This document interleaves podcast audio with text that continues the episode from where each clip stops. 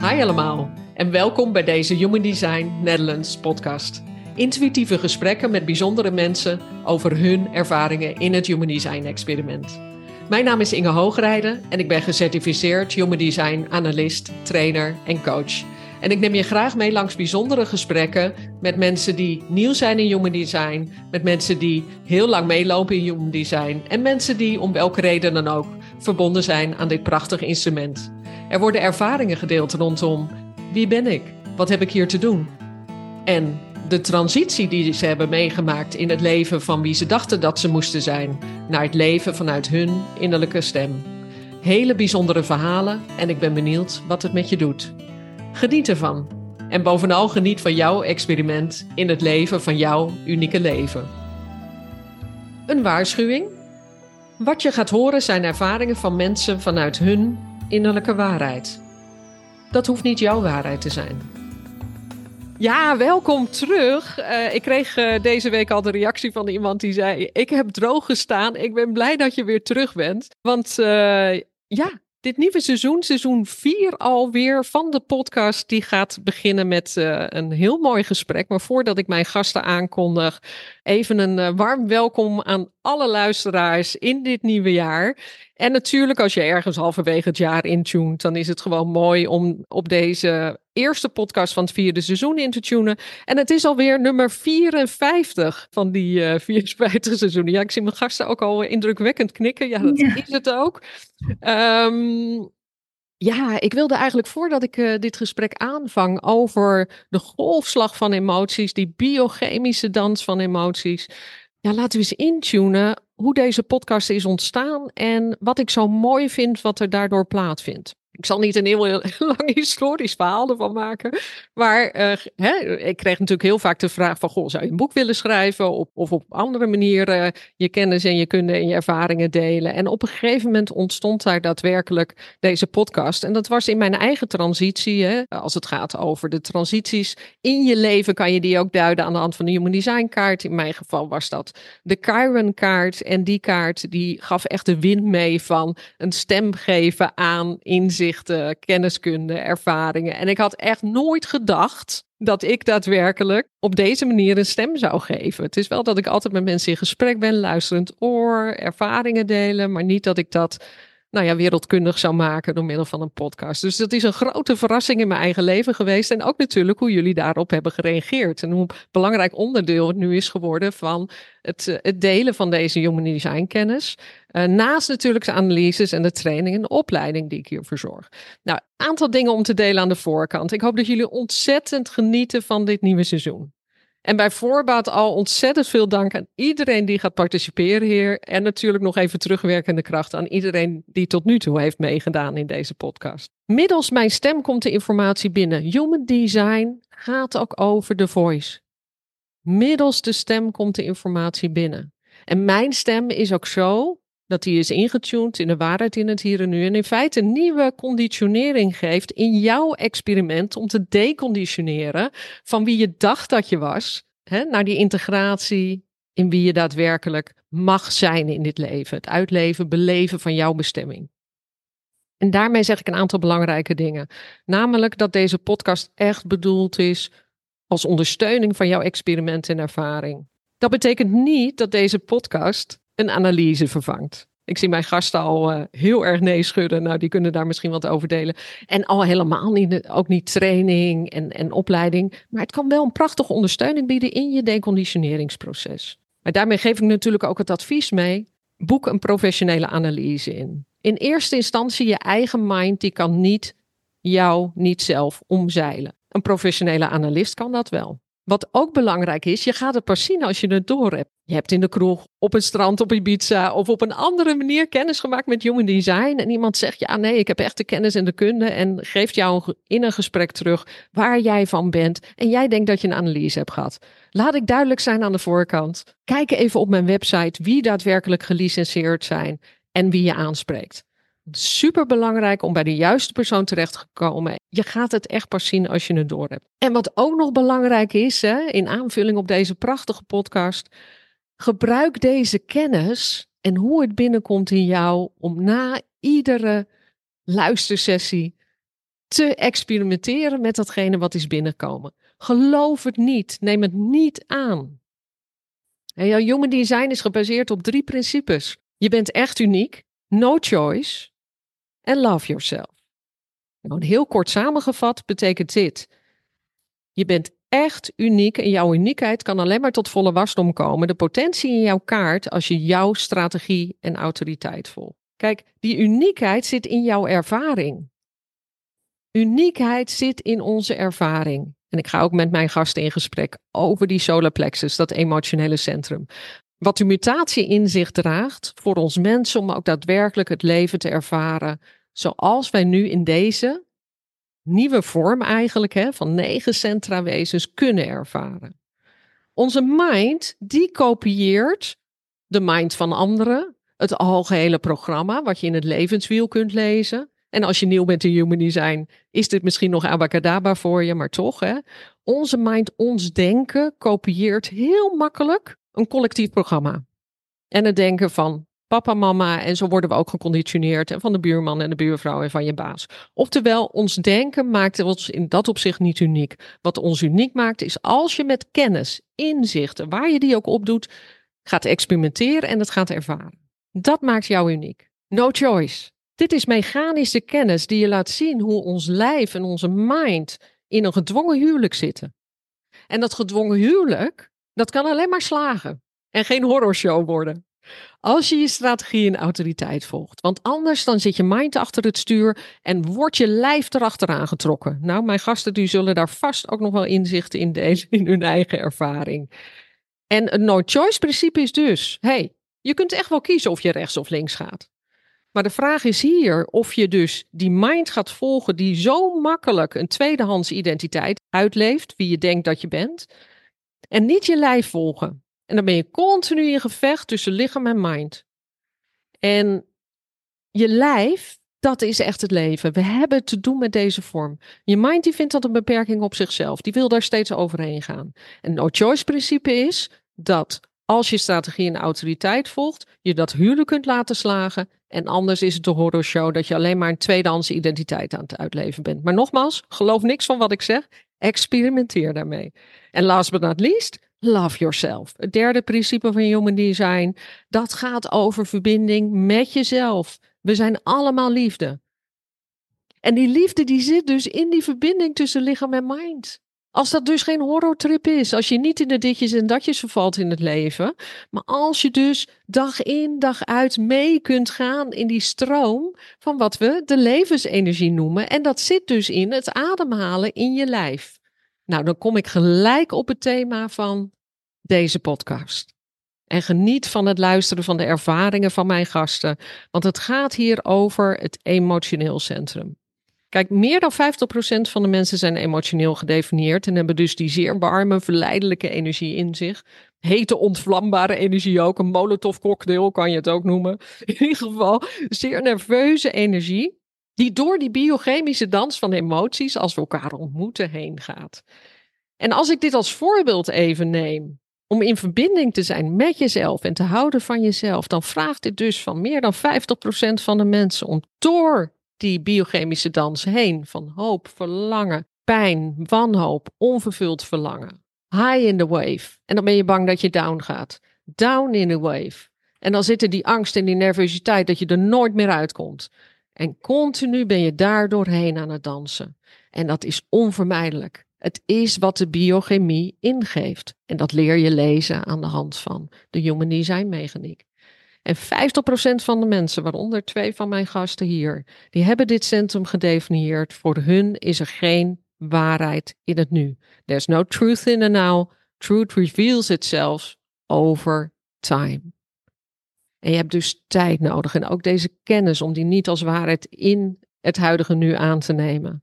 Maar te leven en te beleven hoe dat voor jou is. En er kunnen jaren overheen gaan voordat er een inzichtje wat hier wordt gedeeld ook een waarheid voor jou wordt. Als je maar blijft ademhalen. Ik zie mijn gasten knikken en die hebben volop meegeleefd tijdens deze aftrap van uh, het nieuwe podcastseizoen. Welkom Annemiek. Dank je. Jij bent een uh, bekende voor de trouwe podcastluisteraars. Uh, want waar kunnen mensen jou van kennen? Ja, van een van de eerste, volgens mij, podcasts met de vier types. Maar ook podcasts die over kinderen gaan en die we ook wel samen hebben gedaan. Dus daar kunnen mensen mij van kennen. Emotionele projector, profiel 3.5. Ja, en terwijl deze podcast aan het ontstaan was, had ik met jou contact. En met Amarens. Welkom Amarens. Dankjewel, leuk hier te zijn. Ja, vind ik ook. En ook echt, nou ja, weer zo bijzonder hoe zo'n gesprek dan plaatsvindt. Want jullie kennen elkaar niet. Uh, Amarens, jij zit nu in de beroepsopleiding hè, van Human Design hier. En jij vond het ook heel mooi om zo gaandeweg nu wat ervaringen te delen in jouw experiment. Jij bent ook een emotionele projector met een profiel 3-5. Ja. En dat wisten jullie natuurlijk niet. Hè? Toen ik jullie allebei uit. Ik ook niet. Het ontstond hè? en ik nodigde jullie uit. En dat had ook één op één gesprekken kunnen zijn. Maar we zitten hier nu met z'n drieën om echt die ervaring vanuit jullie emotionaliteit, zou je kunnen zeggen, hè, te kunnen delen in jouw experiment. Uh, mag ik bij jou beginnen, Amarens? Als het gaat over uh, de tocht die je tot nu toe bewandeld hebt. Hè? Want mensen mogen nog een beetje met jou kennis maken. Je hebt ten eerste analyse gehad. Ik heb jou wat later aangetroffen. Ja, kun je iets vertellen over hoe ja, eerste kennismaking is? Wat, wat, ja, volgens mij is daar al heel veel gebeurd. Uh, vertel. Nou ja, het is eigenlijk wel grappig. I, um, Human Design is eigenlijk de allereerste keer twaalf jaar geleden op mijn pad gekomen. En dat was bij een haptono. Um, die op een gegeven ogenblik zei van, goh, weet je wat je human design is? En ik had echt zoiets van, uh, waar heb je het over? Nou, zegt ze, geef maar je geboortedatum en tijd en dan uh, kom ik er de volgende keer wel op terug. En dat deed ze en nou, dat, toen hoorde ik een projector, wacht op de uitnodiging.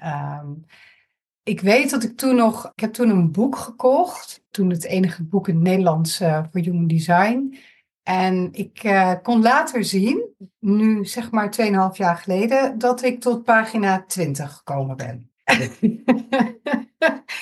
en toen dacht van, whatever, uh, ik ga me hier echt niet in verdiepen. Ik heb hier echt de tijd en de energie niet voor. En gewoon niet. Maar het is altijd wel zo'n dingetje. Het is altijd wel blij blijven hangen. Nou, toen kwam het weer op mijn pad. Ondertussen is er veel meer online te vinden. Dus uh, nou ja, ik denk vanuit mijn drie profiel ga ik dan toch eerst even een beetje zelf experimenteren. En kan ik het uitvinden? En begrijp ik het dan? En, en toen op een gegeven moment dacht ik, nou, weet je, ik, uh, ik ga gewoon voor een analyse. En uh, ik ga dit, uh, ga dit voor mezelf doen. En zo is het eigenlijk begonnen met een analyse, inderdaad niet bij jou. Living Your Design en ja, even daar de emoties echt wel overheen te laten gaan. Toen dacht ik, ja, ik wil hiermee verder.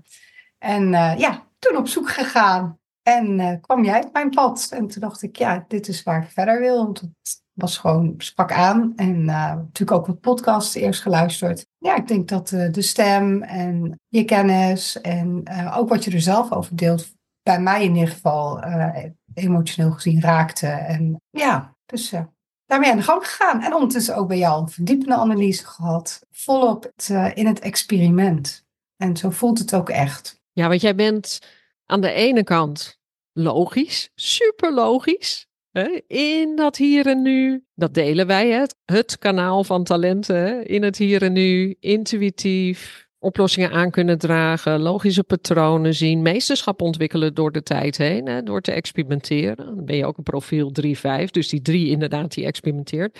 En je hebt vanuit de asna naar de keel ook het kanaal van logisch organiseren, hè, een groter overzicht en dan met de details. Dus één en al logica. Ja. De andere kant, aan de rechterkant op de kaart, en daar zit een split tussen, emotioneel centrum. Dat zit ook aan je mindkant al. Hè? Zowel dat logisch organisatietalent hè, vanuit de arsena naar de keel, als vanuit het emotioneel centrum naar het hartcentrum.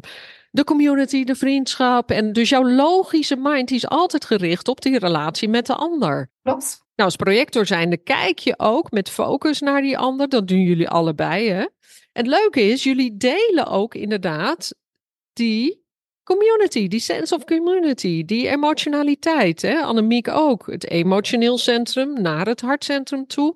Hè? Dan bewust en onbewust. En ook dat instinct, maar dan vanuit het instinct aan de linkerkant naar het hart toe. Ik hoop dat de luisteraar het nog kan volgen. Teken anders mee, download de kaart, kleur het lekker in. Is allemaal mogelijk, toch? Ja, zeker. maar in ieder geval... ja. En Annemiek, jij hebt ook een split, maar dan een wijde split. En je hebt bovenin het hoofdcentrum naar de Ashna. En dan middels het leren hè, vanuit ervaringen vanuit het verleden. Dat is dus niet logica. Nee. Nee, maar jullie hebben allebei hè, in dat opzicht een hele sterke mind. Die dus bezig kan zijn met, ja, maar what the hell is going on? Weet je wel? Als het gaat over emotionele ervaringen. Weet je wel? En ik weet ook wel, eigenlijk van, van jullie beiden, dat die eerste sessies ook echt wel zoveel verwarring kan opleveren. Dat is niet kat in het bakje, dat heeft tijd nodig. En er is trouwens ook niet zoiets als kat in het bakje, hè? laten we wel zeggen. Mhm. Ja, wel vanuit logica. Oké, okay. 1 en 1 is... Ja? Dus Amarens heel scherp in uh, tjak, tjak, tjak, tjak, tjak. Weet je wel? Dan gaan we het even organiseren.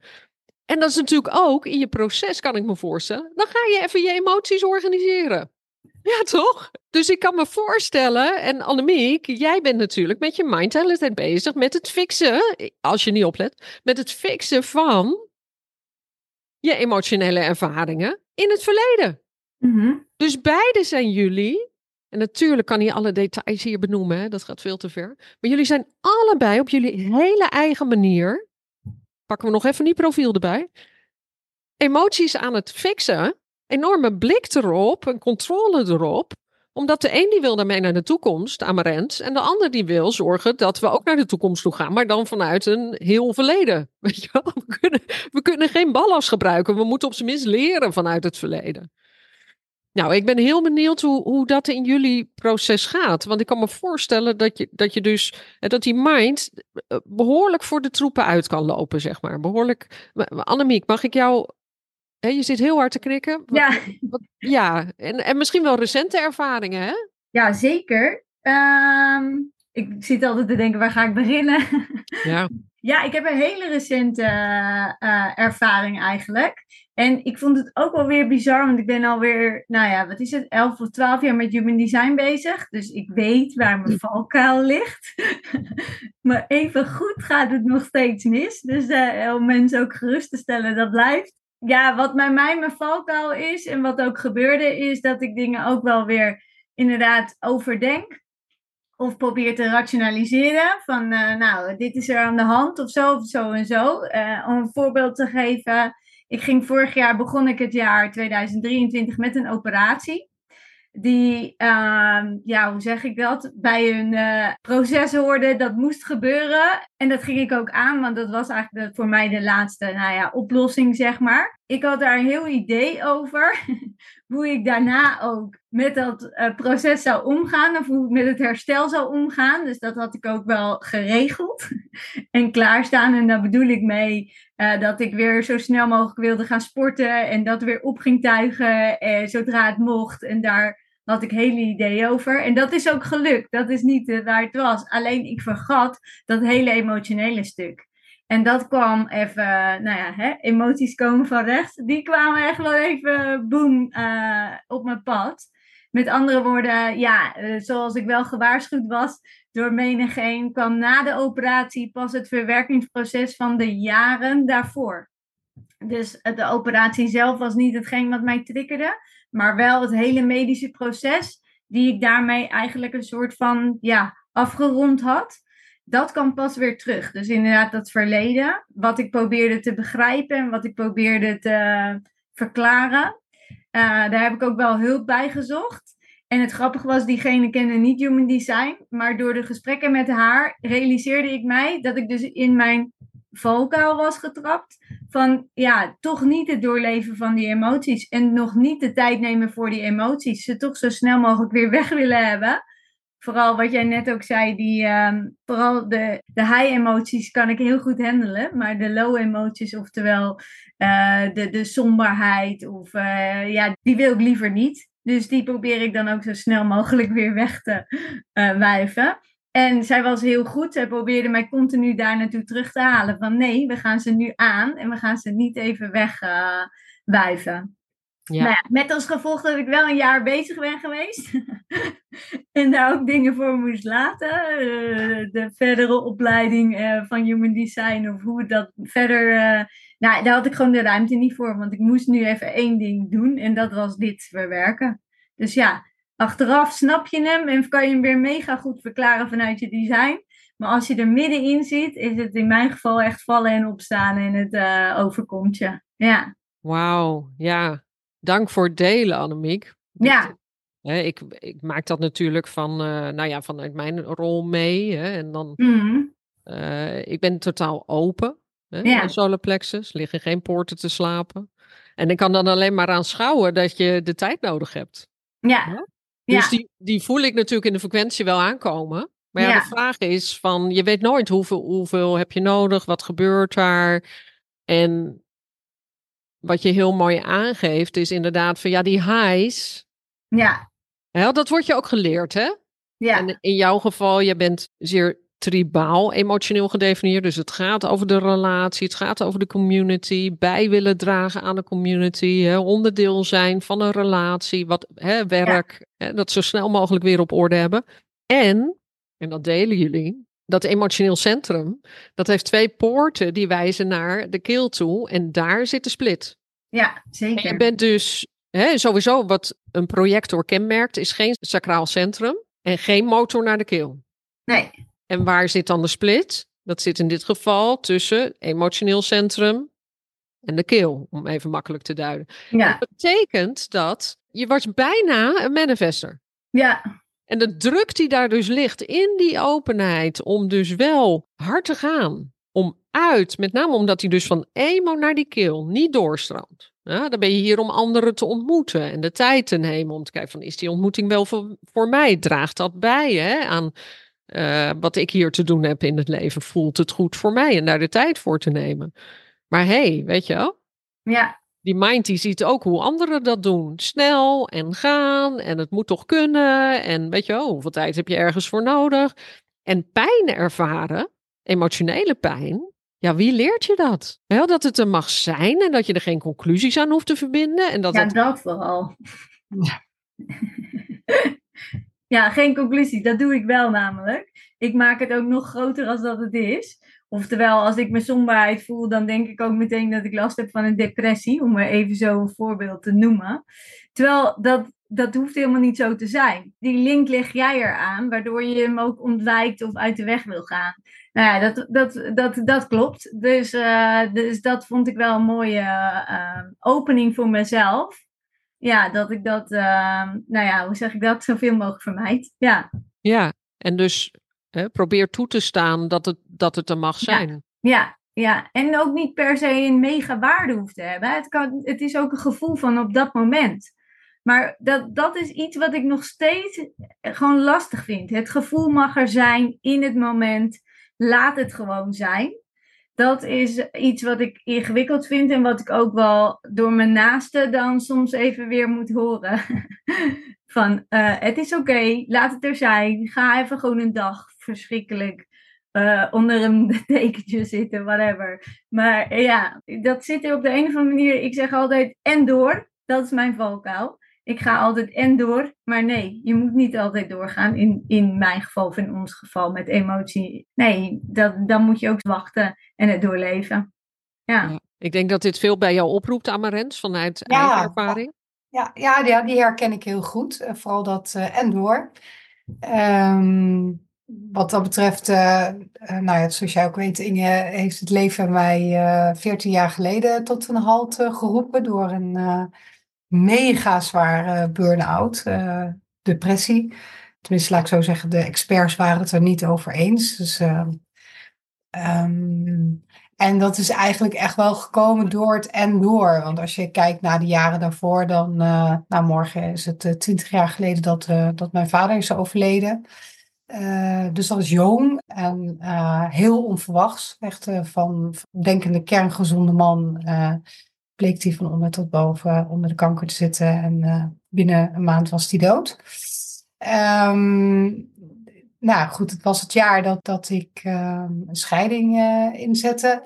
En het was ook het jaar dat mijn zakenpartner besloot van... eh, ik ga emigreren met mijn gezin naar de andere kant van de wereld. Dus dat gebeurde allemaal in 2004.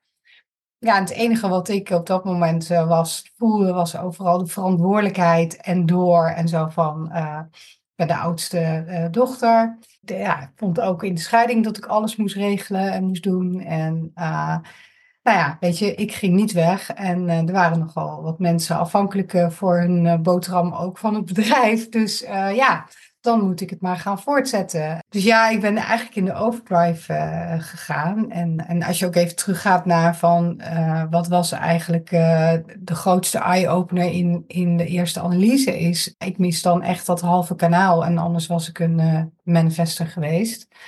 En ik denk dat als je iedereen zou hebben gevraagd van nou, dingen om over mij te zeggen, dan was het mijn initiatiekracht, mijn uh, voor de troepen uit, nou ja, er vol voor gaan. Sterker nog, ik weet dat in mijn allereerste, toen ik nog uh, in dienst was, mijn eerste baan, mijn baas zei letterlijk tegen mij van, uh, ja, je kan echt, je kan een, een, een krachtig leider zijn. Ik zat ook in het, hoe heet dat? Trainee-programma? Trainee-programma, ja. En ehm, hij zei alleen, wat voor jou belangrijk is. Hij zegt als je een tijdrit hebt in de Tour de France. Hij zegt uh, een groepentijdrit. Welke tijd telt dan? Ik zeg, weet ik veel. Mijn man moet nu lachen, want die hoort dit misschien ooit en die denkt dan van, goh, nou, ze heeft er ook bijgeleerd. En, uh, maar de tijd van de laatste, die is me altijd bijgebleven. Echt altijd. Terwijl uh, ik ging, weet je. Dus, ja, uh... ja, knallen. Nou, en niet, niet onlogisch. Ook als je kijkt, en er zijn natuurlijk verschillende facetten in die kaart, hè, inderdaad die split. Maar ook, jullie zijn allebei energieprojectoren. Hè, dus je, je hebt motorenergie. Die motorenergie van zowel het hart als het emotioneel centrum, ja, die wordt ook opgepikt. Als we even de saus van het profiel erbij pakken, jullie hebben die experimentele energie van profiel 3 en de projectie van de buitenwereld van profiel 5. Dat jullie bereid zijn om te experimenteren, dat jullie bereid zijn om risico's te nemen. En als energieprojector pikken mensen dus die energie op alsof je dus mega veel te geven hebt. Alsof je een generator zou zijn. CQ inderdaad de manifester die initieert. Maar samen ook met die warme emotionele energie volgens mij Amarent in de afgelopen Penta-workshop hadden we het over de groep. En toen ging ik af, ja, hoe kan het nou dat mensen toch steeds weer, dat er zoveel uitnodigingen eigenlijk op me afkomen? Want dat is eigenlijk wat het is. En dat mensen heel graag gebruik maken van mijn energie. Waar zit dat hem in? Nou, er zit natuurlijk in verschillende facetten, maar een van die facetten is energieprojector. Hè, andere facet is de projectie die je krijgt, dat je bereid bent om risico's te nemen, te experimenteren. En dan die lijmende energie, ook om de boel bijeen te houden, service te verlenen voor dat grotere geheel. Ja, hallo, wie wil dat niet? Ja. en dus de grootste verleiding voor jullie allebei als projectoren, met ook totaal dat open speelveld waar laatste masterclass over de groep over ging. En dat zodra je de groep binnenkomt, zodra je welke organisatie of welke groep dan ook binnenkomt, vriendenclub, wat het ook is, en jullie zijn totaal open in die genererende groepsenergie. En daar kan je dus mega versnellen. En menige generator, wat 70% van de mensheid is, CQ, de andere groepje wat nog de manifestoren zijn, die zullen jullie uitnodigen, CQ, trekken naar, doe mee met de groep, draag bij aan het grotere geheel, weet je wel, je kan het. En ja, en ik wil niet te snel gaan, dus misschien goed om eerst dat stukje van dat profiel eruit te pikken. Hè? Van herken je dat stukje, dat je bereid bent om risico's te nemen, te experimenteren, dat de projectie daarop zit. Maar ja, wat maakt het uit? We hebben al vier seizoenen podcast zo'n beetje. We maken hem gewoon niet uh, verdiepend. In combinatie met dat je ook in die groep natuurlijk getrokken wordt. En daar, ja, zelf verdwaal je. En dan denk je, mijn hemel, waar ben ik ingestapt? Weet je wel? En het kan ook een fantastische rit zijn. Maar hé, hey, zodra je eruit komt, kan je, zag letterlijk vrijdag gebeuren, Inge. Uh, er was iemand die mocht een penta vormen. Die kreeg de uitnodiging van jou van, goh, uh, vanuit haar profiel. Wat, wie zou jij in je penta willen hebben? En uh, weliswaar met een lichte twijfel wel, maar ze had wel, daar, daar was die. Van, ja, ja, daar was ik er één van. Ik had totaal niets te brengen. Werd ook duidelijk uit het, uit het plaatje eigenlijk. Ja, in die zin, ja, je hebt geen, geen kanalen in die nee. groepsenergie, hè, in die middenkolom, in die powerkolom. Hè, en zij is de ruggengraat, degene die ik vroeg om die groep te vormen. Dat is ook weer uh, interessant. Hè. dus die was de ruggengraat van zijn groep of familie. En inderdaad, jij was de een van die zei, ze kenden jouw design niet. Hè? Dus puur op, uh, op energie, uh, op aura eigenlijk. Hè? Je aura zo in die groep trekken van, hé, hey, jou wil ik erbij hebben. Terwijl jij dus inderdaad geen kanaal hebt. En de andere mensen wel, die ze uitnodigden overigens. Ja. Hè? Die ze vroeg. En jij ja. niet. En dat is precies inderdaad, en dat, hè, daar zat ik ook naar te kijken van wat is dat, weet je En dat zit hem dus in die combi van factoren. Hè? Energieprojector, totaal open in die groep. Hè? Dus graag als vulling erbij. En dan doe ik hem ook even een beetje cru, hè? Dat je als tafelvulling wordt gevraagd. Ja, want aan de ene kant is het, oh ja, jullie hebben daadwerkelijk natuurlijk, hè, zeker één op één als projector zijn, maar ook in die grotere groep, heel veel te delen. Maar zodra het gaat over die kleinere groep, ja, sowieso, jullie moeten de tijd nemen voor het nemen van je keuzes. Daar komen we nog wel op. Maar als het dus gaat dat je, hè, dat je vulling wordt, ja, daar kan, je, daar kan je natuurlijk wel op stuk lopen. Want je hebt niet die genererende energie in die groep. En je kan je ook afvragen van, ja, wat ben ik hier aan het doen? Weet je wel, ik ben hier de harde werk bij aan het uithangen, maar volgens mij heb ik andere dingen te doen. Ja, en dan dat ook aangeven, vind ik. Vorige week had ik toevallig nog zo'n situatie. Ik zit in een theatergroep en we gingen met z'n allen optreden. We hadden niet zo heel veel voorbereidingstijd en we zouden een bepaalde vorm doen, waarvan ik tijdens de les echt dacht, oh, dit is echt zo niet mijn ding. Uh, dus ik had de hele les ja, daarin zeg maar gevolgd en alles in mij zei, ah, ah, ik vind het wel ik geen onderbuikgevoel heb, maar ik dacht wel, nee, dit is niet voor mij. Maar ik voelde tegelijkertijd ook die, ja, beetje die tribaliteit, hè, of de verwachting van de groep of zo, ik weet niet. Dat wat jij misschien wel omzet. Van, ja, dus aan het einde van de les zei ik heel eerlijk, jongens, ik weet niet of ik, dit, of ik wil optreden. Ik voel me daar niet oké bij. Maar toen ontstond er een discussie van, ja, maar je kan dit hartstikke goed, we hebben je nodig, we hebben, hè, dit is uh, een onderdeel en jij bent dit en dit is jouw kracht daarin. En uh, en het enige wat ik op dat moment dacht is, dit is ook niet de vraag of de issue. De issue is, voel ik me er oké bij? Gaat het mijn succes brengen? Is het mijn uitnodiging? Of ga ik erop leeglopen eigenlijk qua energie? Dus dat zei ik ook op een gegeven moment. Ik zeg, ja, ik snap dat jullie heel lief zeggen dat ik het kan en dat het, maar ik zeg, eigenlijk wil ik er een nacht over slapen. En wil ik dus eigenlijk bekijken of, ik dat, of het voor mij goed voelt. Nou, dat heb ik ook gedaan. Maar dan zie je wel al van, oeh, dan moet ik echt van goede huizen komen om te vragen om al een dag te, te, hè, mijn beslissing te laten wachten. Want eigenlijk willen ze het liever dan weten. Nou, toen moest, ging ik de volgende dag dat beslissing nemen. Maar dan vind ik het best wel lastig om uit te schakelen wat misschien wel een groepsverwachting is. Of wat er van je verwacht wordt. Of wat er gedacht kan worden van het feit dat jij eigenlijk heel puur en egoïstisch voor jezelf kiest. Wat past wel en niet. Dat, dat vind ik lastig. En uiteindelijk heb ik het dus niet gedaan, omdat ik me er niet zo lang bij voelde. Dus ik was echt super trots op mezelf. Maar tegelijkertijd zie je wel al die vragen, weet je wel, die dan door je hoofd heen gaan. Van ja, wat gaan ze van me vinden? Uh, wat wat uh, betekent dat misschien wel voor een vervolg? Uh, nou ja, zo. En dat denk ik, vind ik ook het moeilijke aan human design. Hoe je natuurlijk eigenlijk heel erg dicht bij jezelf moet blijven. En wat voor jou oké is. Maar daarmee kan er wel soms situaties ontstaan waar je anderen teleurstelt. Ja, heel mooi wat jij zegt. Want wat, wat voor jou oké is. Ja. Maar omdat je natuurlijk nooit helemaal 100% zekerheid krijgt in die emotionele waves.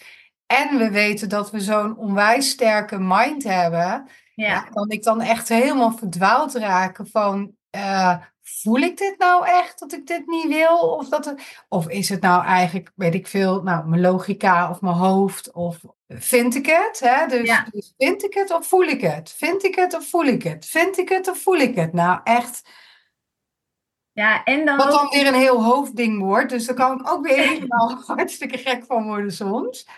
Want dan denk ik, ja, nou, dit is in ieder geval iets wat ik aan het vinden ben. Ja, en is het het gevoel van dat moment? Of blijft die langer bestaan? Ik bedoel, dat vind ik ook lastig. Ja. Ja.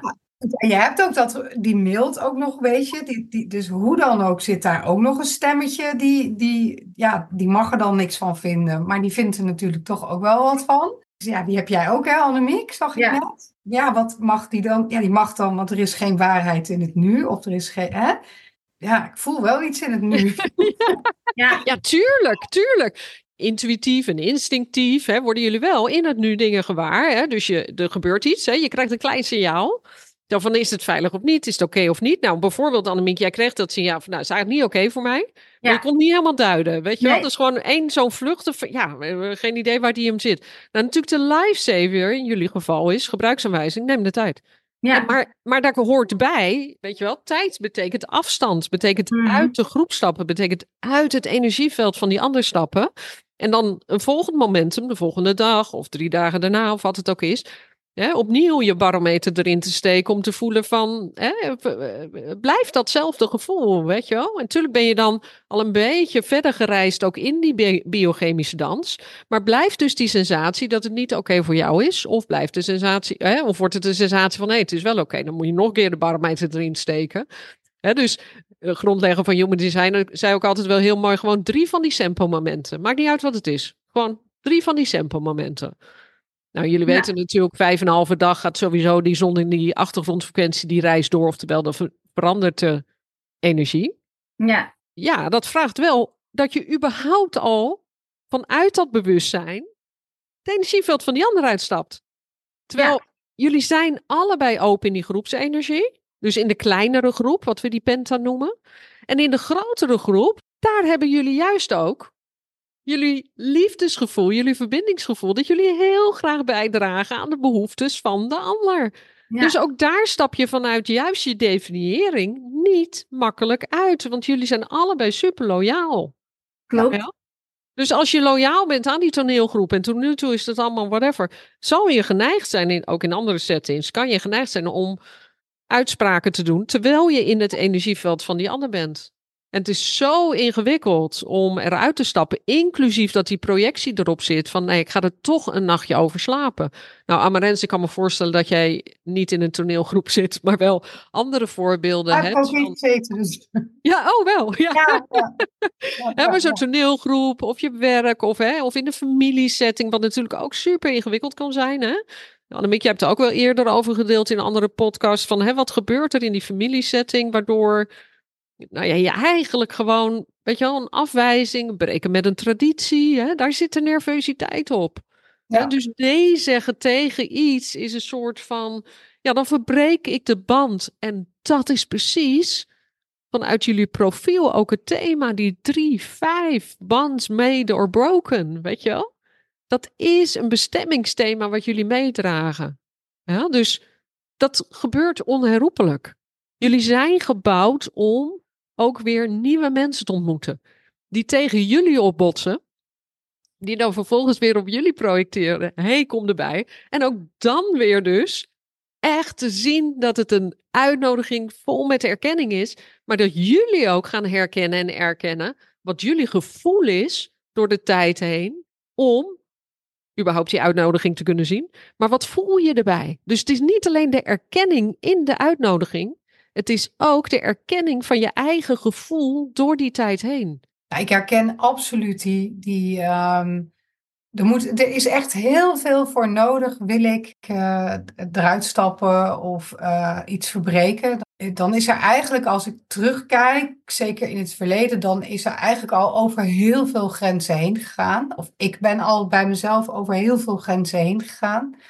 Eh, of we het nou over familie hebben, of of het over, over zakelijke constellaties of groepen. En, en vaak ook wel dingen waar ik ingestapt ben vanuit achteraf gezien niet echt eh, de uitnodiging of de juiste uitnodiging. Of een uitnodiging waarin ik eigenlijk eh, hè, waarom ik succesvol zou kunnen zijn. Zeker in familie heb je ook heel veel te maken met zo, hè, zoals het hoort en zo doen we het en tradities en eh eh, et cetera, et cetera. Dus dat is een heel, heel, ehm, ja, ook wel pijnlijk proces. Hè, wat, wat, wat jij ook heel mooi zegt, Annemiek, is van je voelt eigenlijk ook de teleurstelling eh, aan de andere kant. En eigenlijk heb je zelf ook teleurstelling, want laten we wel wezen, hè, dat is net als met een huwelijk. Niemand gaat trouwen met de gedachte dat je gaat scheiden. Eh, Nee. Dus op, het- hè, op het moment dat dat eh, gebeurt, ja, dan, dan heb je natuurlijk verdriet. Want het is niet iets wat je, hè, wat je van tevoren bedacht had van nou zo ga ik dat doen. Dus je hebt wel degelijk ook zelf daar eh, de emoties ook nog eens een keer bij. En, en nou ja, dus ik- merk echt wel dat dat een, een, moeilijk is. Maar als ik de stap neem, dan is die ook definitief heel vaak. Hmm. Dan Ja. is er voor mij echt heel moeilijk een, ja, een weg terug, zeg maar. Ja, want er Eh, is dus heel veel gebeurd. Hè? Jij schetst eigenlijk heel mooi dat proces, even in mijn woorden vanuit de mechaniek, dat het mhm. gaat over, maar dan hoor ik graag of, of dat bij jullie resoneert, dat het dus gaat over, hè, je wilt graag inspelen op de behoeftes van de ander, maar er heeft dus al lange tijd, want jullie zijn allebei tribaal emotioneel gedefinieerd, hè? dus die emotionele wave gaat niet in golfbewegingen, maar die bouwt zich op. En die bouwt zich op vanuit, hé, hey, maar wacht eens even, er wordt ook niet op mijn behoeftes ingespeeld. Dus het is, je wilt niet zomaar niet inspelen op die behoeftes van die ander. Want precies wat je zegt, je hebt jullie loyaal verklaard. Ja, tot in de eeuwigheid aan. Maar wat het ook is, op welk front dan ook. Weet je wel? En dan Ja. gebeurt er dus iets waarbij er niet op jouw behoeftes wordt ingespeeld. Nou, dan komt natuurlijk als je die, op, hè, die verbittering onderhuids op de hoek kijken. En dat kan zich opbouwen, opbouwen, opbouwen. Totdat inderdaad, nou ja, die Molotov cocktail ontploft. Ja, daar Wat kenmerkt. Ja, Ja. Annemiek? Nou ja, ik denk het wel. Want ik denk, laatst zei ik, eh, van de week zei ik nog tegen mijn vriend van, goh, ik merk dat ik na vorig jaar, hè, dat ik toch zo'n heel jaar eh, aan het proces heb gewerkt, dat ik nu selectiever ben. Nog selectiever. En eigenlijk klopt dat ook. Volgens mij die zijn, eh, check die uitnodigingen, zijn ze oké voor mij. En dat selectieve, dat was ik toch weer, dat zijpelt er dan toch weer, weet je, uit. Net wat Amarens ook zegt, van, dan, voel ik van, ja, dat kan ik niet maken. Of eh, hier hoor ik eh, eh, echt wel in mee door te gaan. Maar ondertussen ben ik ook al, weet ik veel hoeveel grenzen overgegaan. Dus ik herken dat zeker. En, maar ik ben, merk ook dat ik nu, nu specifieker ben. En dat dat ook wel soms dan lastig is hoor. Dat je echt wel met jezelf eh, in gevecht bent eh, om eh, de juiste keuze te maken. Maar ja, ja. En wat ik bijvoorbeeld ook wel leuk vond is, we hebben het net ook over de Penta gehad. En wat voor verwachtingen je daarin hebt. Mijn vader zit in de winter in het Spanje. En die had gevraagd of we langs wilden komen. En uiteindelijk heb ik gezegd, ik wil heel graag langskomen, maar wel alleen. Dus niet samen met mijn vriend of niet samen met mijn zusje. Wat ik natuurlijk naar hun toe best wel een beetje ja, rot vond om te zeggen. Eh, maar ik heb ook, en gelukkig weten zij alle twee van Human Design ook uit kunnen leggen dat het niks met hun te maken heeft, dat ik hun niet mee wil hebben. Maar dat ik weet wat er ontstaat als ze in een groepje zijn. En dat dat niet de juiste verhouding is die ik wil, zeg maar, met mijn vader. Dus uiteindelijk daarvoor gekozen om alleen te gaan. Voelde een beetje als een afwijzing, maar er heeft juist iets heel moois door ontstaan. Want mijn zusje is ook alleen gegaan. Die heeft de super dagen met mijn vader gehad. Maar ik ook. We hebben echt een connectie gehad die we eerder juist niet hebben gehad. En ik denk dus dat dat komt doordat we altijd in die penta vaak, of er is altijd iemand bij. En niet die één op één eh, energie, zeg maar. Dus ik was blij met die keuze. Maar dat is weer zoiets dat je denkt, oh, je wijst iemand af omdat je weet dat het meer ja, succes gaat brengen. Kan je dat dan ook zien, Annemieke, dat als je wel, hè, want dat is bijvoorbeeld iets wat bij mij nu heel erg speelt, van dat ik dan denk, oké, natuurlijk ook door de, de verdieping weer afgelopen vrijdag over de Penta. Mhm. Van, oké, als je dan om, om wat voor reden wel besluit, hè, en of dat nou is omdat het zo hoort, of eh, nou ja, omdat je niet met een traditie eh, wil, wil breken, hè, dat kan Mhm. natuurlijk. Hè, dat is, hoort volgens mij ook bij die emoties, als je, dat je dat op een gegeven moment bewust kan doen, dat je zegt, nou, dit is toch wel zo belangrijk voor mij dat. Zou je dan ook denken dat je als, je dat, als je dat zo bewust doet, voelt dat voor jou dan ook zo dat je dan, eh, dat je dan meer als observator er zou kunnen zijn in die penta dan? Nou, wat ik merk is, als zodra ik in de penta stap, zeg maar even het oude penta, dat er ook de oude patronen terugkomen. Dus hoe we op elkaar reageren of hoe de verhoudingen dan zijn. Ziet, soms ga je dan bijna ook al, eh, weet je ze of heb je ze gezien, ga je terug, eh, ja, op de een of andere manier connect je ineens en dan heb je toch weer die oude dingen die je bij elkaar losmaakt of die je merkt. Of, eh, ehm, en ik dacht, dat is dus iets wat oké is voor sommige momenten. Maar bijvoorbeeld in mijn geval niet voor vijf dagen als ik naar mijn vader toe ga. Die energie kan ik dan, handel ik niet, zeg maar. Eh, dus ik weet niet of dat een beetje jouw vraag is. Dat, Ja, ja, wel een beetje, maar het is wel. Dat ik dan denk, goh, zou je dan echt niet, ook als je bewust bent van patronen, voor vijf dagen is heel lang hoor, ben ik, zou ik ook maar inderdaad voor een avond of een ja, of je bewuster kunt observeren. Dat is eigenlijk. Ja, kun je dan bewuster gaan observeren doordat je uh, patronen herkent, doordat je weet hoe je eigen hè, beter in touch bent met je eigen emoties. Ja, Amarens, natuurlijk, jij bent super logisch met je mind. Dus jij bent natuurlijk aan het nadenken: hoe kan het? Dit moet toch kunnen? Dit moet toch kunnen? Je moet toch met je mind. En wat we vrijdag natuurlijk ook beleefden, hè, of in ieder geval, hè, dat was een masterclass over de Penta. Natuurlijk, hè, dat is een oneindig topic hè, om om, zeker ook eh, in andere settings uh, nog, nog veel meer in te delen. Maar als het gaat over die penta, dan, hè, wat vrijdag ook naar voren, absolute mechaniek. Ja? En dat maakt het juist zo, wat veel mensen zich niet realiseren, dat uh, A, je geconditioneerd wordt in de groep, hè, in, in de familiegroep dan, als je met drie of meer bent. En dus de patronen aanleert hoe je behoort te gedragen. Rolgedrag zit daar, hè? Dat is één. En twee is dat als je dus een, paar mensen samenzet, in dit geval vader, dochter, dochter, dat hoe je het ook went of keert, precies hetzelfde gedrag plaatsvindt. Want ze brengen alsnog precies hetzelfde in de penta, met bewustzijn of zonder bewustzijn. En de grap is dat dus, je kan de grap noemen van het leven zelf, dat wij dus in die penta de rest niet bewust kunnen zijn dus in die penta zit geen bewustzijn. Dus Amarent, jouw vraag zit uit, zit er nou bewustzijn in die groep? Nou ja, ga het observeren, maar die ja, bij jezelf. Dus over. Er zit dan bewustzijn bij jezelf, zou ik denken. Maar, maar zeg jij nu, die gaat gewoon weg zodra je in. Ook jouw eigen bewustzijn gaat gewoon Omdat weg. Omdat die grotere entiteit, dus die, dat grotere aura, in feite dus jouw eigen design, hè, jouw eigen aura wordt opgeslokt en overgenomen door de groepsaura. En dat zou wel verklaren waarom zoveel groepen. Hè, of voor zoveel mensen het zo ingewikkeld is om in een groepsetting te zijn, hè, dat daar niet hun ware potentie naar voren komt. Uh, sterker nog, jullie als projectoren zijn natuurlijk van het type wat vrij recent in de wereld is gekomen. Hè. 1781 is de projector ontstaan.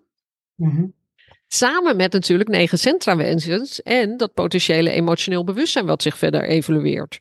Nou, als je kijkt naar groepsenergie, dat is echt typisch generatorenergie. Onderbuik, naar dat G-centrum, die middelste vierkant, die gedraaide vierkant. En dan de keel.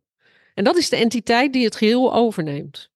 En jullie zijn juist, projectoren zijn gebouwd om die groep te observeren. Het is ook niet de bedoeling dat je opgaat in die entiteit. Het is de bedoeling dat je de observatoren bent. Dus Amarens, is wel heel mooi dat jij juist ook zegt van, ja, maar kan je niet bewust... Ja, tuurlijk, ga aan de zijlijn staan. Ja? ja. Ga kijken. Weet je? Kijk. En dan zie je, en tuurlijk kan je er bewust in staan. Weet dan hoe je, hey, be my guest. Weet je wel? Maar wees je er bewust van dat je kracht dus zit in, ook zeker als er issues zijn, één op één het teruggeven. Ja? Als je dus geen kanalen hebt in die pen, één op één dingen teruggeven. En dat is natuurlijk ook jullie persoonlijke aura. Ja? Dat is waar jullie waarde zit, om zowel één op één als je daarop gebouwd bent, zoals jullie in dat grotere geheel ook dingen terug te geven, maar name één op één, of als observator van die penta. He, bijvoorbeeld Annemiek, jij geleidt families ook. Ja, ja, ik, zet dus ik denk dat dat ook het verschil is. Ik kan het veel beter buiten mijn eigen familie, zeg maar. Dus in andere families. of uh, weet ik wel, in een team van werk. Of uh, ja, dat Maar dan, dan kan ik goed observeren en voel ik ook wel dat ik dat aan het doen ben, zeg maar. Uh, maar in mijn eigen familie vind ik dat iets anders. Maar ja, het is wel mijn werk, want dat is uh, wat ik ook het leukste vind aan mijn werk. Kijk maar je moet er dus buiten blijven staan. Hè? En dat is hetzelfde wat, wat ik ook doe hier als ik trainingen begeleid. Ik ben weliswaar een pentaspeler, dus ik heb daar uh, hè, activering in. Dat maakt het voor mij makkelijker om consistent die energie te processen. Hè, daar een consistente rol in, in te nemen. En niet meegezogen te worden op een bepaalde manier hè, met, met die energie. Maar goed, het is een heel uh, topic natuurlijk op zichzelf. En mooi ook dat je daar nog uh, vanuit vrijdag ook mee bezig bent. Maar het is absoluut voor jullie als projectoren om dus inderdaad bewuster, slimmer te worden. Efficiënter, selectiever. Ja, selectiever, ja. ja. Niet zomaar iedere groep is van jou. Hè? Zeer selectief. En ook hoe je dingen bespreekbaar maakt. Of hoe je, weet je wel, dan daar dus ook dan niet je energie in te verdoen. Dat als er issues zijn, dat je dat in die groep bespreekbaar gaat zitten maken. Ja. Dat is, ja. ja. dat is echt zo stroperig en kost jullie zoveel energie. Ja, absoluut. Ja. kan er ook echt wel, als je het dan toch bespreekbaar, zeker in groepen waar je emotioneel bij verbonden bent, om wat, nou, familie bijvoorbeeld, of uh, nou, klanten waar je al heel lang over de vloer komt, dan, ehm, ja, dan herken ik wel, als ik, zeker als ik daar aan terugdenk, als je dan dat bespreekbaar probeert te maken, ehm, dan kan je heel leuk logisch zijn, maar dan gaan toch emoties de overhand nemen. Ja, en emoties die dus eigenlijk, hè, zeker met bewustzijn, buiten die penta vallen. Ja, klopt. Hè, dus altijd is die richting van die groep bepalend. Die neemt het over. Hè, zo van ja, maar dit is belangrijk. Die voorstelling is belangrijk. Weet je wel, we gaan. Uh... Ik, ik, ik werd ook nog getriggerd door, nou ja, twee dingen eigenlijk. Nog veel meer in wat jullie delen. Maar als je kijkt naar die biochemische dans van emoties, hè, en bijvoorbeeld als je het verbindt aan de groep, hè, dat gevoel van, I don't know, want jullie zullen dat gevoel kunnen omschrijven, wat het ook is. Ik noem het nu even vanuit jullie type verbittering. Hè, wat kan optreden als je, nou ja, A, niet wordt gezien door de groep, hè, of B, dat je merkt, ja, ik ben wel heel hard bezig geweest en ik ben daarop leeggelopen. Niemand heeft het door. Ja. Toch? Want daar zorg je dan wel voor als een 3-5 dat je reputatie niet, niet aan gort gaat. Ja. Toch? Maar die, hè, dat gevoel wat een groepje dus kan geven. Ja, en ik weet niet of je dat kan omschrijven. Dan wil ik daarna naar de haai van de, van de, van de emotionele wave. Daar gaan we mee afsluiten. Weet je wel, de haai van de. Maar dan heb ik wel een verrassende vraag in. Maar eerst dat stukje van. Wat, wat gebeurt daar nou? Weet je wel, als je niet erkend wordt in dat proces waarin je met drie of meer bent. Hè? Dus in zo'n groep.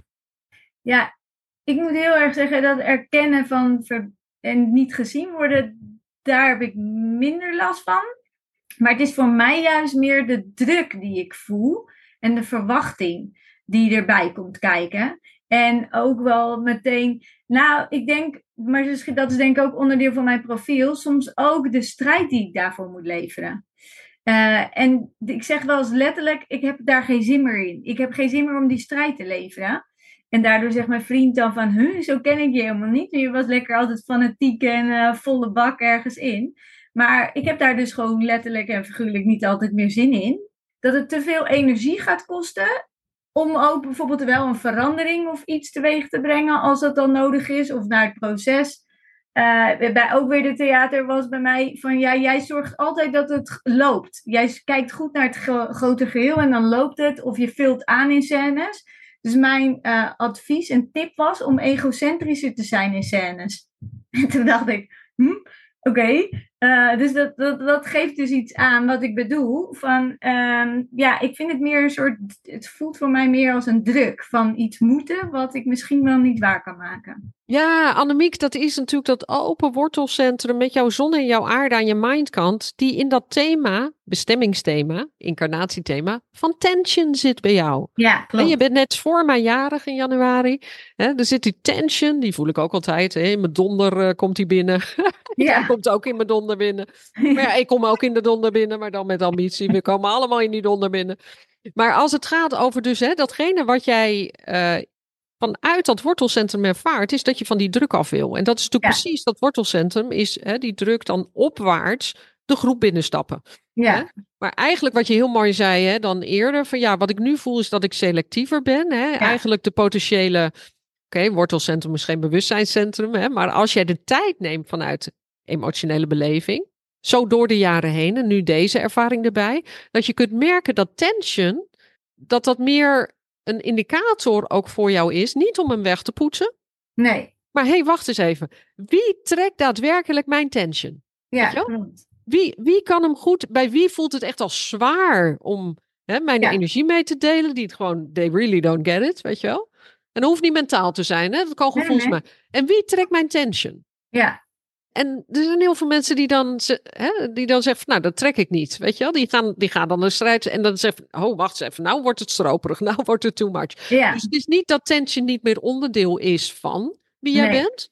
Maar het is eigenlijk, kan het een andere laag krijgen als je je strategie en autoriteit volgt. Dat je kunt zien van, hé, hey, dit breng ik, take it or leave it. En als dit dus hele grote issues oplevert, weet je wel, grote issues, dan ben je niet voor mij. Ja. Volgen van je strategie en autoriteit zorgt ervoor dat je daar selectiever in kunt zijn. Doordat je samplet. Doordat Ja. je niet meer zomaar meegaat. Ja, precies. Ja, dat is precies zoals het voelt. Dus dat overheerst in, in het niet gezien worden, zeg maar. Ja. Hoe is dat voor jou, Amarens? Want jouw bestemming zit in dat emotioneel centrum naar dat, hè, naar dat hart toe. Hè? Ja. De onderdeel van je bestemming is zowel de logica als bijdragen aan hè, die community. Nee, ik kan wel echt. eh, ja, verbittering is natuurlijk best wel echt eigenlijk een heel naar woord. eh, vind ik. Conditionering. Maar ik, die heb ik zeker wel, eh, die heb ik zeker wel gevoeld. En zeker ook om het niet gezien worden. Ja, dan is het toch wel vaak voor wat ik voor mezelf zie als mijn kracht. Dat uitzicht dan op verschillende manieren. Dus in een groep is het dan van, dan ben ik of lastig, of ik doe moeilijk, of eh, een soort van eh the story of my life. eh, als feedback dan. Eh, terwijl als ik correct in een groep ben en op de juiste uitnodiging, et cetera, dan komt dat dus ook helemaal niet naar boven. Dat verschil kan ik nu wel heel goed zien. Dus ja, nee, ik herken wel, ik ken wel de verbittering en ik herken ook wel het, eh, het niet gezien worden om waarvan, ja, waarvan ik dan inderdaad wel denk dat het mijn kracht is. En is dat ook verschoven? Daar Ben ik even nieuwsgierig naar. Want eerst dacht je wie je dacht dat je was. Dat was die zeer logische persoon, met name. En dat daar ook zit hè, waar je applaus voor krijgt. En wat logisch is, zeker als je kijkt naar Kanaal van Talenten, dat je wel logica brengen. Ja, daar krijg je ook applaus voor. Lekker snel, strategische oplossingen aandragen. Maar die diepgaande emotionele beleving, hè, die jij mag hebben in dit leven, als het gaat over hè, de tijd nemen om het leven te beleven. En dat, dat eh, je stem dus vanuit ook een emotionaliteit mag komen, als jij er klaar voor bent. Hè, om logica altijd te koppelen aan wat je daadwerkelijk ervaren hebt in het leven. Weet je wel, hoe het voelt Mhm. voor jou. Is, de, is dat verschoven? Of, of is dat een proces waar je middenin zit? Of, Nou, ik denk wel dat dat een proces is waar ik middenin zit. Alleen, nou ja, zoals het dan ook zo mooi ontstaat. En in ieder geval de mensen, maar misschien dus ook wel groepen op je pad komen. Waar ook meer ruimte is. Dus, dus die uitnodiging is dan ook veel meer geweest, zeg maar, puur om, om wie ik ben. Ehm, en daar hoort dat emotionele stuk dus inderdaad bij. En, en dus is er dan ook ruimte. Dus dat is wel een proces waar ik middenin zit in, in te ervaren. Dan is er in één keer ook in die groep ruimte om terug te geven wat ik emotioneel ervaar binnen, binnen die groep. Ehm, hoe voelt, kan jij je omschrijven hoe dat... eh, vrijdag was ook zo'n moment hè, dat je deelde ook, ook met hè, een paar mensen met wie je dan ook meer deelt hè, binnen de, de beroepsopleiding.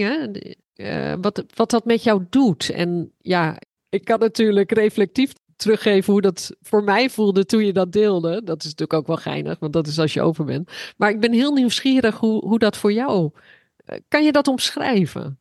Het is echt een, gewoon een, een diep voelen, dus echt letterlijk. Dus dan heeft het echt niets op dat moment met mijn hoofd te maken van, ja, dat ik gewoon mag en kan zijn wie ik ben. En dat geeft gewoon enorm, ja, dat geeft rust en dat geeft, maar het geeft ook, ehm, het is gewoon fijn. Ja, en eigenlijk zou de luisteraar je moeten kunnen zien. Ja, is natuurlijk stralen. Ja, nou weet je, het is, het is niet, eh, want ik voelde net best wel even, voel ik terwijl die emoties ook opkomen. En we zitten natuurlijk nu ook helemaal in dat. En, een eh, zeer emotionele eh, zeer emotioneel. En nou, het gaat ook over verlangens en gezien worden. En eh, nou, dat is, dat is best wel een thema. Dus als dat er dan is vanuit een, een, een groepje, een groepje van, van eh, vier, vijf mensen. Ja, dat je dat ook gewoon kan zeggen. En niemand denkt, oké, doet zij raar? Of wat zegt zij rare dingen of zo? Of, ja, dat is gewoon heel, het is gewoon heel fijn. Ja, fijn. Ja, en dat is voor mij ook heel fijn. Want als je dus hebt over de open solar plexus. En ik geef ook wel eens terug hè, van. Nou ja, laten we even grofweg zeggen dat 50% geen emotioneel centrum heeft gedefinieerd. Dat betekent niet dat je van alles beleeft in het leven. Tuurlijk beleef je van alles en je ontmoet elkaar. Juist ontmoeten we elkaar, want dat is ook waar de aantrekkingskracht zit. En Mhm. hè, hoe we verbinden en eh, hoe we wijs kunnen worden over wat het is om jezelf te zijn in verbinding met die ander. En hoe ontzettend gedifferentieerd we zijn. En het is zo prachtig voor mij om, ik noem het even de frequentie op te kunnen pikken als dus iemand die emotioneel is gedefinieerd de tijd neemt. Want dan zit je exact in de frequentie die hoort bij jouw architectuur, die hoort bij jouw design, die hoort bij jouw bestemming in dit leven. Weet je wel? En ik ben iemand die in het hier en nu de frequentie oppikt wat de waarheid is. Mhm. Oftewel, leef je in je frequentie. En dat is geen oordeel. Het is niet dat ik daar een oordeel over heb. Maar hè, het is natuurlijk zo mooi als. Kijk, want als je niet emotioneel bent gedefinieerd. Of zelfs totaal open zoals ik. Dan, als iemand niet de tijd neemt. Dan is alles wat daar plaatsvindt verdraaid. Die verdraaiing komt bij mij binnen. Nou, godzijdank kan ik vanuit Human Design zien hoe dat proces is. En hè, Mm. correct voor mezelf zorgen daarin en erin en eruit stappen. En het ontmoeten en dan mag alles er zijn. Ja, tuurlijk maakt het een verschil als die frequentie exact is zoals die bij jou hoort te zijn. En dan alsnog hè, ontmoet je elkaar vanuit correctheid en niet als het niet correct voor je is. Maar als je elkaar ontmoet vanuit correctheid, dan ontmoet je dus een frequentie die kloppend is voor jou. En dat is, ja, dat is eigenlijk onbeschrijfbaar hoe dat is voor iemand zoals ik om dat te mogen ervaren. En, en de shift zien. En dat is wat we het transformatieproces natuurlijk noemen. En nogmaals, er is niet een soort einddoel, hè, maar wat, het dan, wat er dan ook past bij jouw uniekheid, wat je brengt. En Amarens, jij brengt dan die sense of community. Dus alleen al door te delen vanuit jouw gevoelswereld, hè, dan zit je in jouw frequentie, waar je ook zit, in de high of de low. En wat ik nu dus omschrijf, is niet dat je dan in balans moet zijn. Dat is wat anders. Maar het maakt niet uit wat je dan deelt. In die high of in die low. Er hoeft dus niks weggepoetst te worden. En je brengt dan juist hè, dat stukje eh, verbinding hè, vanuit jouw eigen uniekheid. Nou, dat sluit ook wel mooi aan bij een vraag die bij mij nog opborrelde als het gaat over die emotionele wave. Ook als die in de high zit, hè. Annemiek, jij zei al even, dan wil je hem eigenlijk... Ja, die, die, die vind ik geen probleem. Weet je wel, die Nee. mag blijven. Ja. Ja. maar ja, je voelt hem al een beetje aankomen. Het is natuurlijk een biochemische dans. En Ja. laat er wel zijn, kijk, als je dus daar wil blijven, dat is voor mij net zo distorted als degene die daar geen definiëring heeft, hè, als, als dat je in je low blijft Ja, hangen. klopt. Snap je Ja. bedoel? Dus Ja. maakt mij niet uit. De mensen die in de high blijven hangen. Ik snap dat het fijn is. En dan kan je anderen ook op meevoeren. Maar hey, het is net zo distorted als dat je denkt dat Aha. je niet uit die low komt. Snap, snap je dan wel? Ja, wat Ja, roept dat bij je op? goed Wat je bedoelt. En ik denk dat is ook mijn vocaal. Dat ik, Tuurlijk. eh, eh, en hij is ook niet altijd leuk. Want als je altijd maar in je high zit, dan ben je ook geneigd om overal ja op te zeggen of eh, het te gaan doen. Wat weer energie sloopt, zeg maar. Want dan ben je alweer te snel gegaan. Of heb je op iets ja gezegd wat eigenlijk toch niet had moeten zijn. Ehm, dus nee, hij is niet altijd fijn. Maar ik vind, misschien is het dat het wel, zit ik me nu te bedenken terwijl we dit gesprek hebben. Dat als je in die high zit en je gaat naar de echt low, dat je ook wel best wel ver naar beneden dondert, om het maar zo te zeggen. En dat die dan eh, daarom zo heftig voelt. En dat wil je dus niet. Dus misschien is het wel mijn wens dan om liever in die high of, eh, nou dat zeg ik, in die bovenste rand te zitten. Of liever even, even voorzichtig naar beneden gaan. Maar helaas is dat ook niet, eh, kan dat niet. Daar heb ik geen invloed op. Maar dat zegt mijn hoofd. Denk je Ja. niet dat er ook meer acceptatie is, Annemiek, voor die high? Als je gewoon zeg maar naar je omgeving kijkt, dat er ook veel meer Ja. acceptatie... Ja, dat, dat, Zeker. als ik jou zo hoor praten, dan ga ik bij mezelf kijken. Dan denk ik, ja, maar weet je, iedereen ziet natuurlijk veel liever de blije, eh, energieke, gezellige, leuke eh Ja. mens. Eh, ja, Maar dat geldt voor mij dus niet, hè? Het is wel waar de conditionering op zit. Ja. Maar dat, hè, wat ik net omschreef, maar goed, hey, dat is inderdaad niet zoals het in de buitenwereld gaat. Hè? De mensen Nee, willen precies. liever die high ontmoeten, want dat is ogenschijnlijk Mhm. hoe we elkaar behoren te ontmoeten. Ja. Toch? Ja. En, voor, en voor mij is dat eigenlijk het schrikbeeld puur zang. Want dan vindt er helemaal niks plaats. Er is geen beweging. Snap je wat ik bedoel?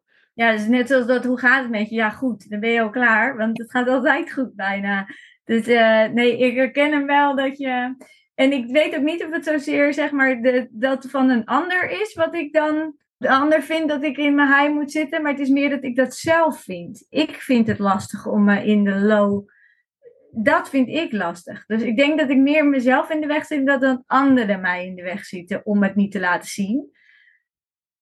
En hmm. ik denk dat er vroeger te veel, uh, um, hoe zeg ik dat? Mijn heftigheid van emoties heeft ook een naam gekregen, om het maar even zo te zeggen.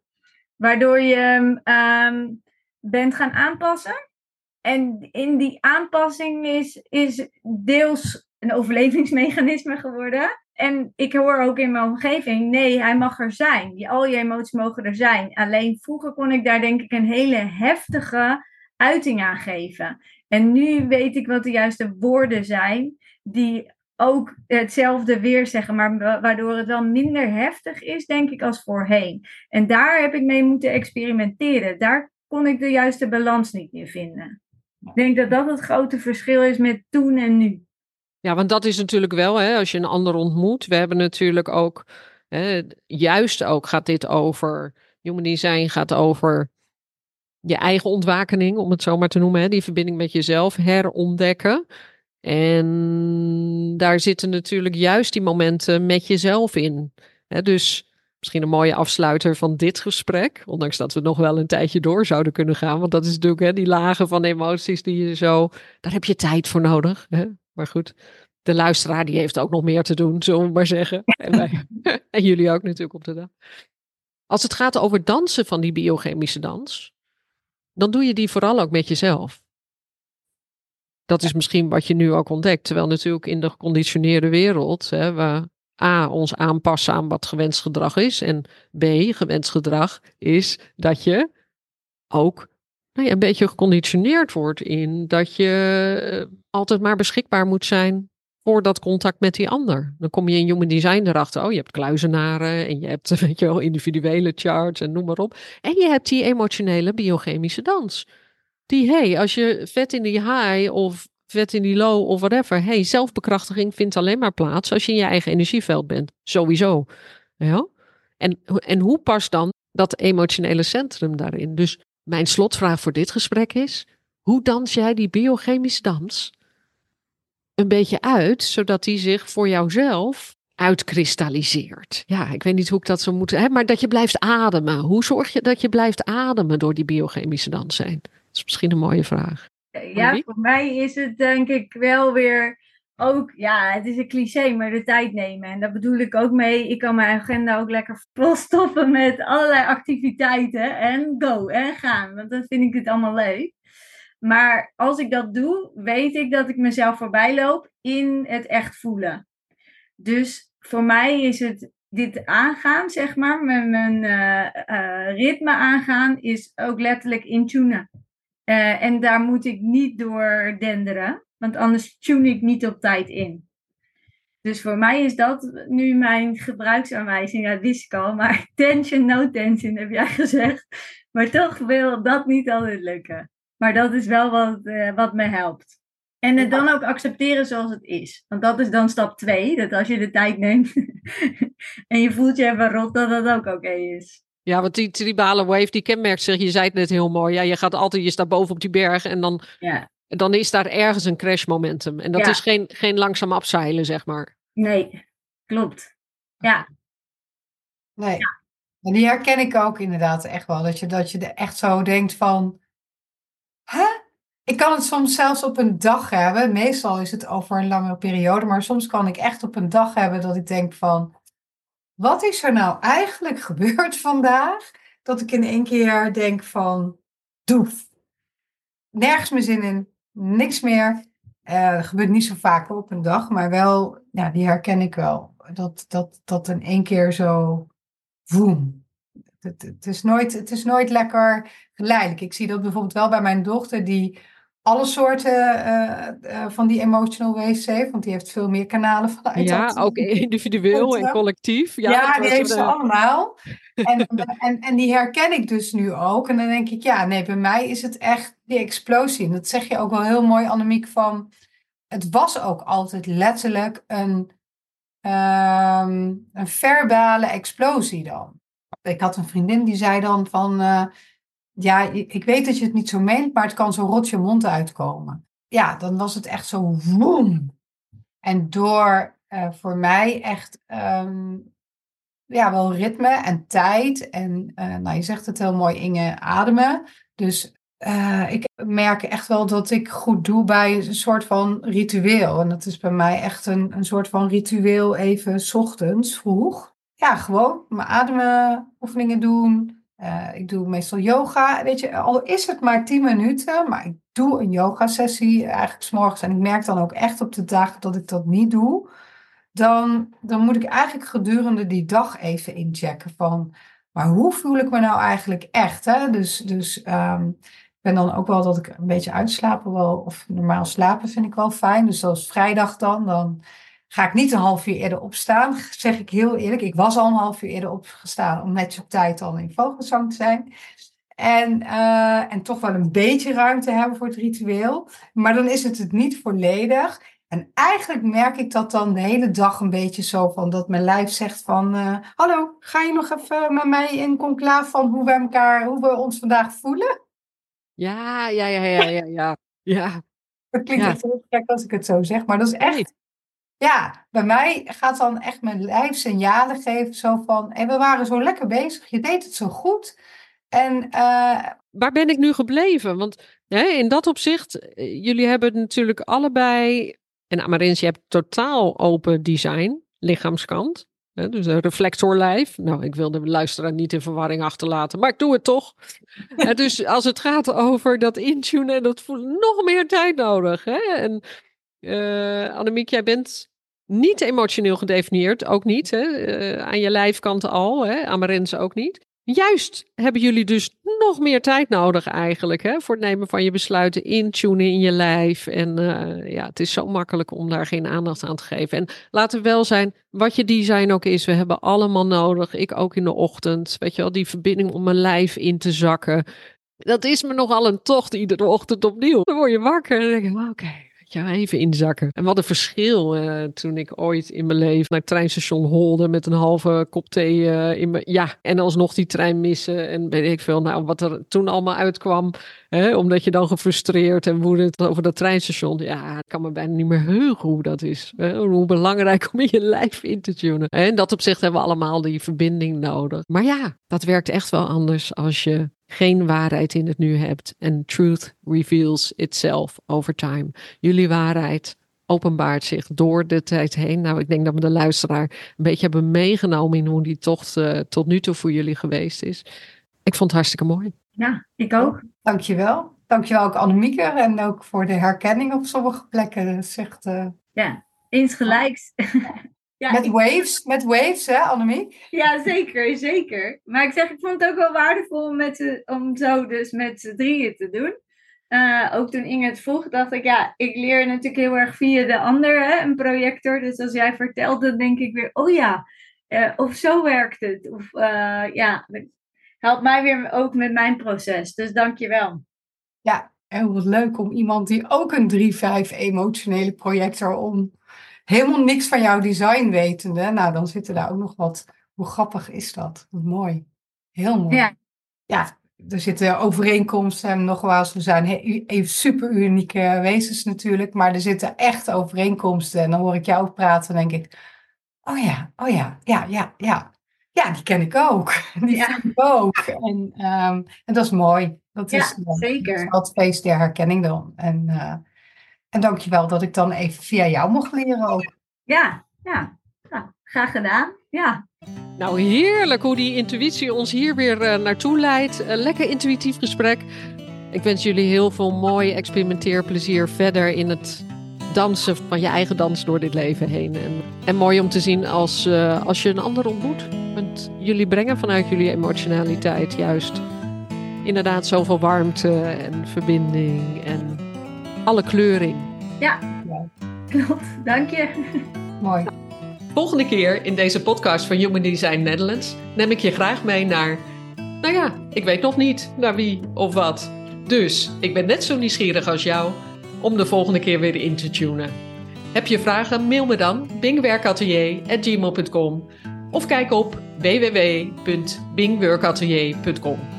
Je kunt natuurlijk ook intunen op Human Design Netherlands en dan kom je ook op dezelfde website uit. Heb je vragen? Stuur me dan een berichtje. En heb je bijzondere verhalen of thema's? Dan kun je me ook altijd een berichtje sturen. En wie weet kom je of je thema de volgende keer in de podcast.